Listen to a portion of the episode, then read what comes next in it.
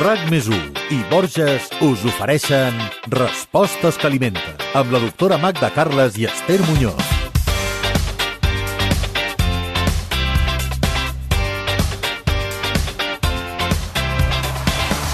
Fa molt de temps que les dietes d'aprimament estan entre nosaltres d'una manera permanent. Cada any apareixen noves fórmules per aprimar-nos i totes tenen una cosa en comú, i és que a la llarga no funcionen. Ara està de moda la dieta intuïtiva. Bé, de fet, no és tant una dieta com una manera de menjar. I aquesta potser és la seva gràcia, que tracta més com mengem que no pas què mengem. En fi, en aquest podcast trobareu la informació d'aquesta dieta, o més ben dit, d'aquesta no dieta. Magda Carles, bona tarda. Bona tarda. Avui parlem d'un concepte una mica mm, eteri. Sí, abstracte, diria jo. Per això m'agrada, per això m'agrada. Exacte, exacte. El primer que volia fer era mm, desitjar-te bones festes, perquè acabem de venir del Nadal. Sí, no, ja està. Com han anat? Bé o què? Doncs com sempre, molt bé, família, molt menjar, molta celebració, en fi, és un ritual, però que, a pesar de que el critiquem, jo, si no el fem, el trobo a faltar. O S'ha sigui fer, s'ha que visca la s'ha festa. de fer, sí. el que potser s'ha d'adaptar als nous temps, no?, d'alguna manera també, Sí, no? el que passa que si l'adaptem molt, molt, molt, mm, serà una altra cosa. I per tant, jo crec que sempre tindrà aquest, aquest regús, no?, de cosa antiga, excessiva, festiva i una mica de modé. Escolta'm, el tema eh, que hem triat avui, dieta intuïtiva, tu creus que encaixen aquestes dates en les quals estem de festes?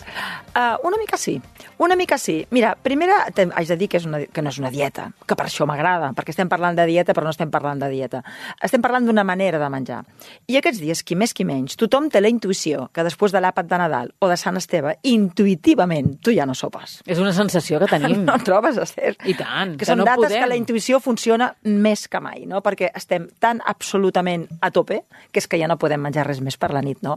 I aquí fem servir una mica la nostra intuïció. I penso que sí que lliga. Per tant, tant, que lliga. no és una dieta a No, l'ús. en absolut. És una manera de veure l'alimentació. És una manera que, com a primera característica, jo diria que ens fa escoltar-nos. És a dir, el nostre cos què diu? Tenim gana? No en tenim?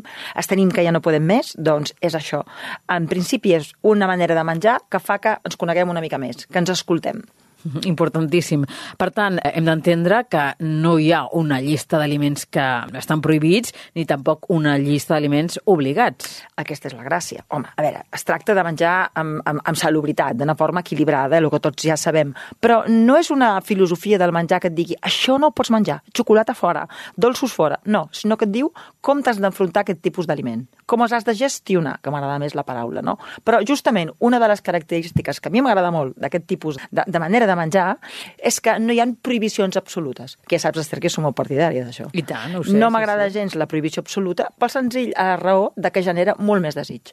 Quan a tu et diuen no croissant, somies amb un croissant. L'efecte rebot després. Quan et diuen no xocolata, tu somies amb una xocolata, amb quilos de xocolata. Per tant, la prohibició, com ja hem vist en tantes aspectes de la vida, el que fa és generar molt més desig per allò. Per tant, podríem dir que um, aquesta manera de menjar té la seva base en ser conscients de la sensació de gana?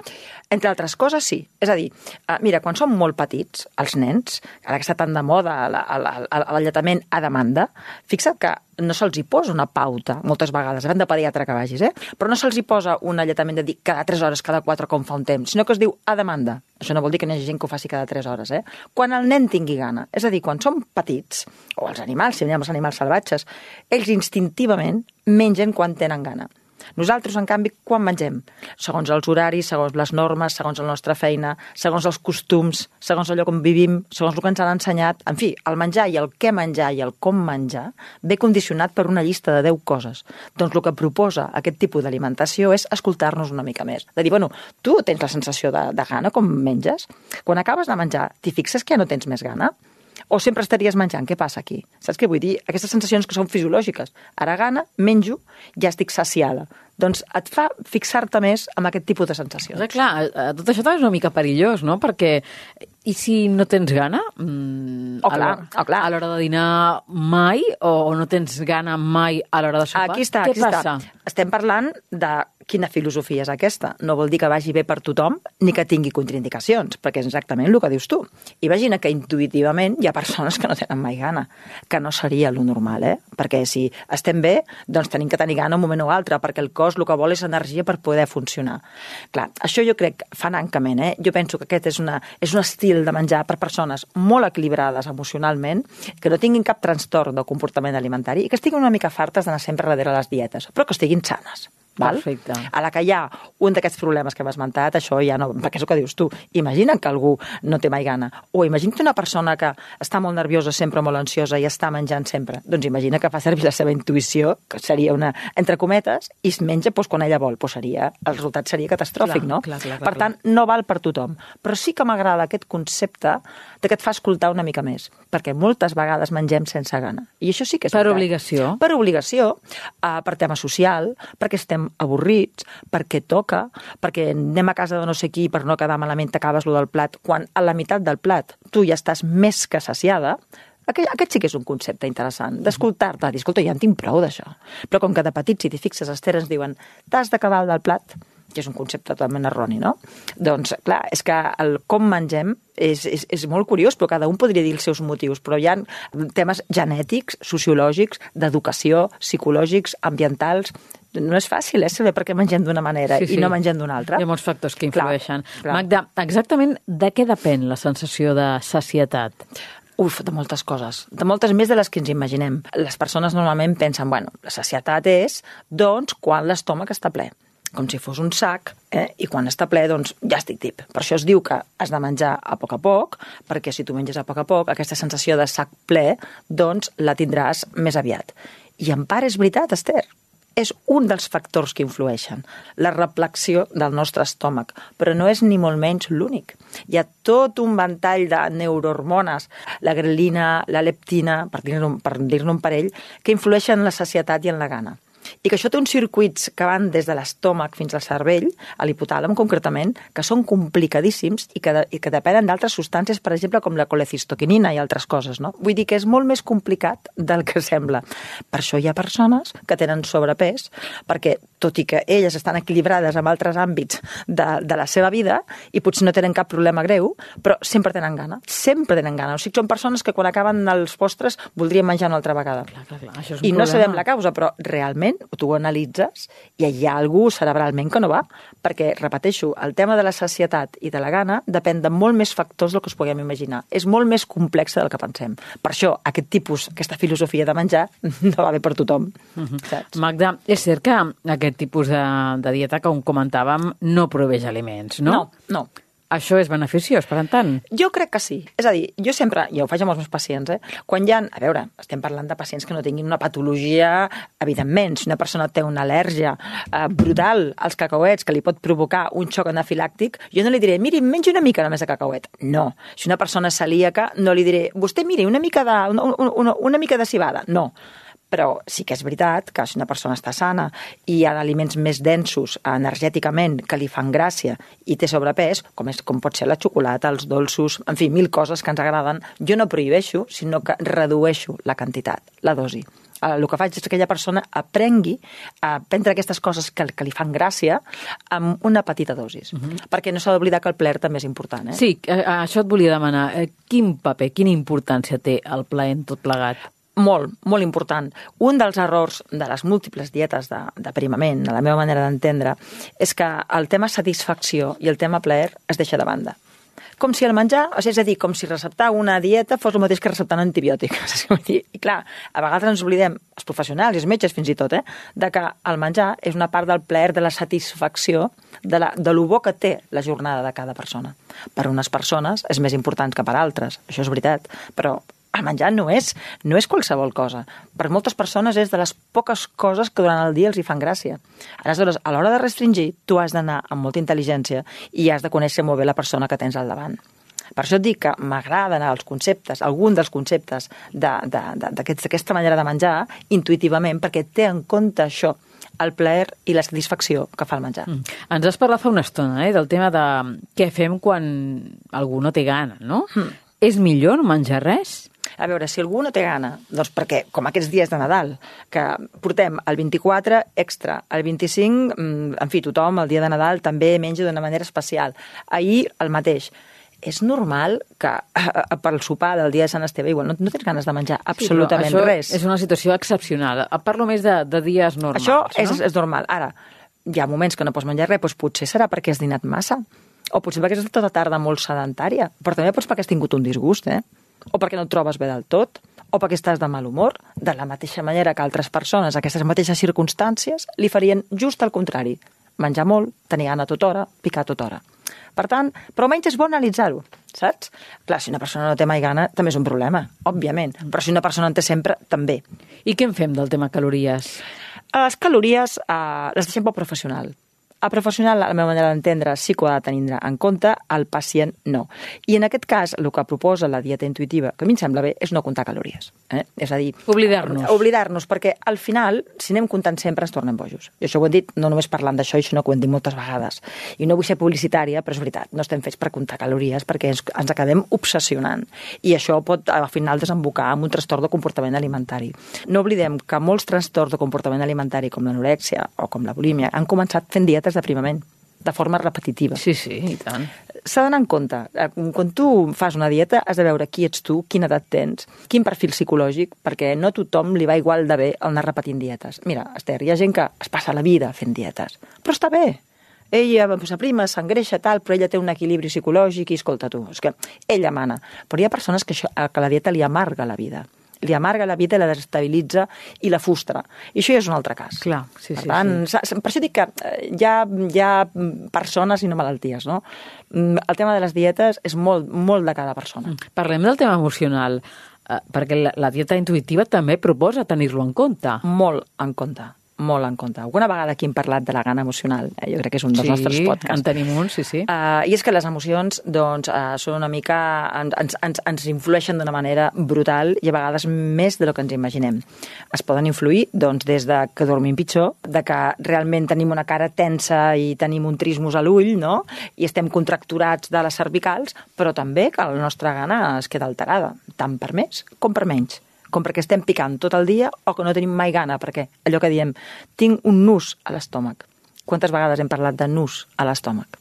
No? Molt, sí, sí. Per tant, doncs, tot està molt lligat i les emocions és bo ser conscient de que el que ens està passant pot influir en totes les esferes de la nostra vida i també en una cosa que anem repetint cada dia, que és menjar. Mm. I escolta, Magda, mm, quan un fa aquesta li estem dient dieta intuïtiva perquè té aquesta perquè té aquest nom, etiqueta, sí. però vaja, com diu la Magda Carles, no és una, No dieta, és una com a dieta, tal, eh? no.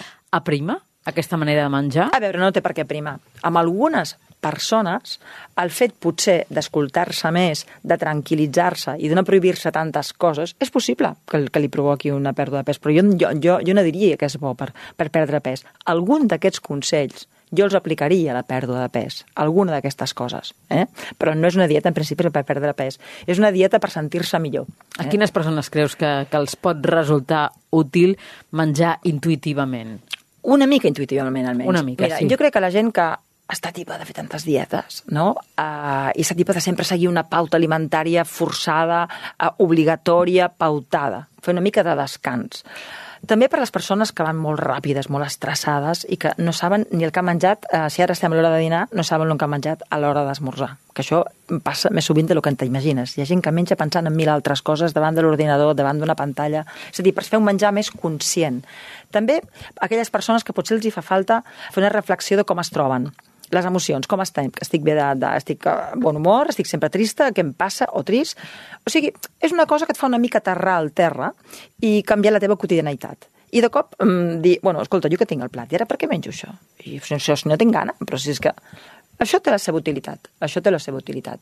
I, i, i jo crec que una mica per totes les persones sanes que vulguin una mica ser més conscients de tot. I pot tenir contraindicacions? Sí, sí, evidentment que sí.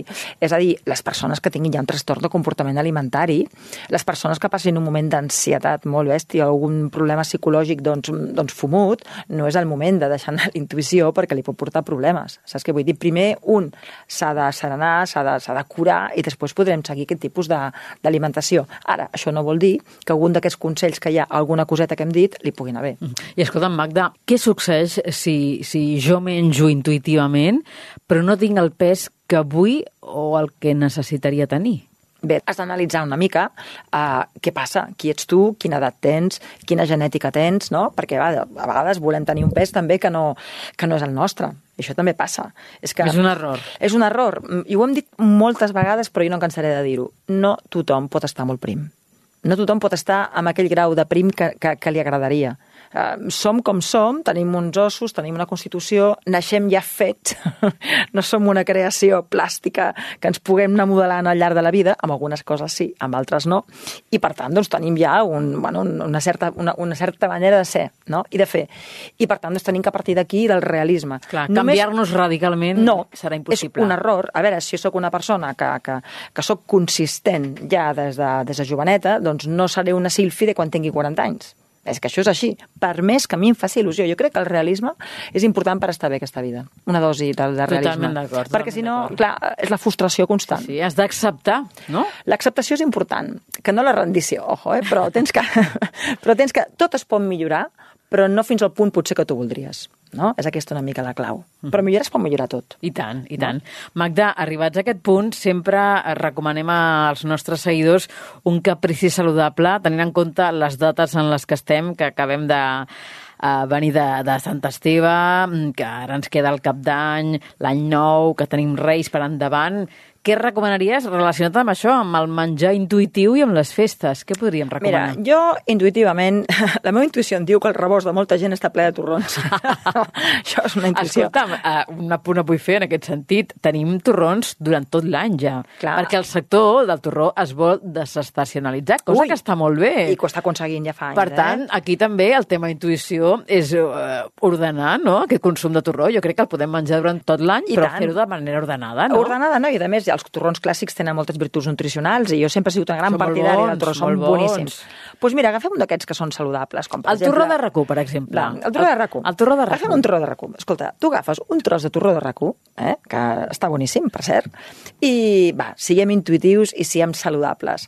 Eh, hem menjat coses dolces aquests dies, eh, hem menjat un munt de coses que no toquen, però imagina que estem a l'hora de, a l'hora d'esmorzar, Esther.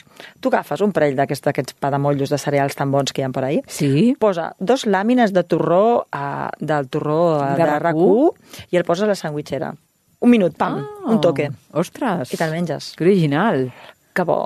Sí, doncs Jo mira. intuïtivament ja sé que serà bo. No, no ho farem cada dia, però No. escolta'm, això un cop al mes, un cop cada dues setmanes, durant tot l'any, per què no, eh? Però, Esther, tot depèn de la quantitat. Si tu poses allà dos, dos làmines petites, eh, pots tirar, eh? Com Doncs- doncs... és qualitat i quantitat. Em sembla una molt bona Sí. Respostes que alimenten. Amb la doctora Magda Carles i Esther Muñoz.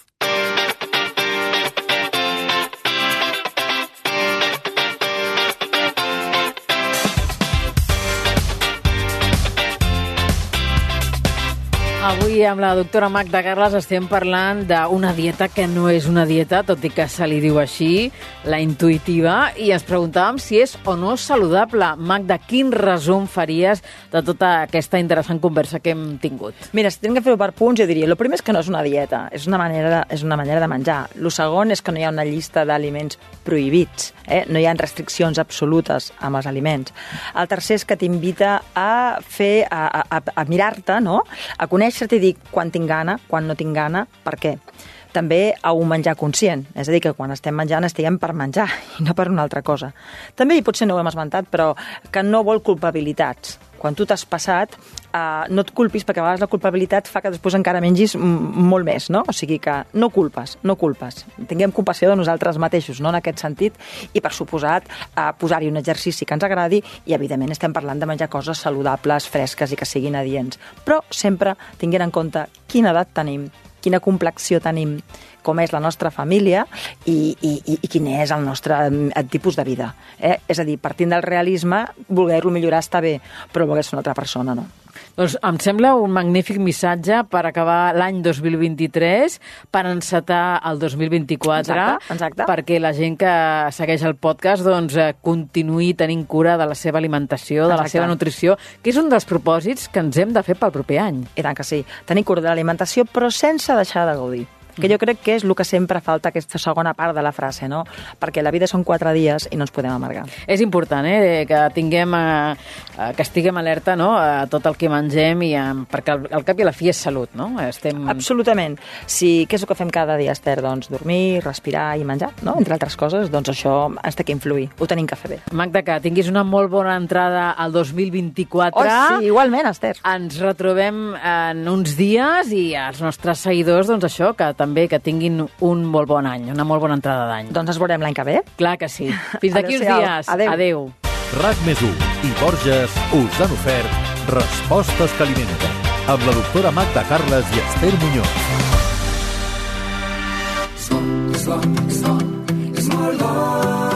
Cuidar-se és el més important. A Borges sempre et portem els productes més naturals perquè cuidem la terra que ens els ofereix i els elaborem de la manera més sostenible possible, com la nova ampolla d'oli feta en plàstic reciclat. Borges. Que bo que és